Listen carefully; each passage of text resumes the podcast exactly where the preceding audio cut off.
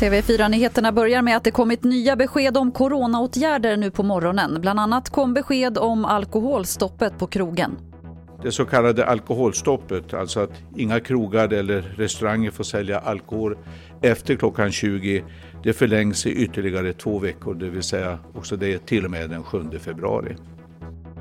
Det sa statsminister Stefan Löfven. Vidare kom också besked om att munskydd i kollektivtrafiken rekommenderas våren ut och för gymnasieskolan gäller fortsatt restriktioner men något lättade sådana, nämligen en kombination av distans och undervisning på plats.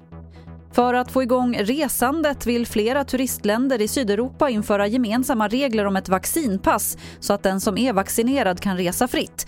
I Danmark till exempel jobbas det på att få fram ett sånt intyg men för svenska resenärer är det fortfarande oklart vad som kommer att gälla. Här har ingen myndighet än så länge fått i uppdrag att ta fram något vaccinpass.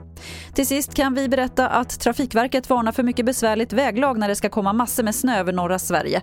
De uppmanar bilister att undvika att ge sig ut på vägarna och bara göra nödvändiga resor. Och vissa tågsträckor kommer också att stängas av under vissa tider.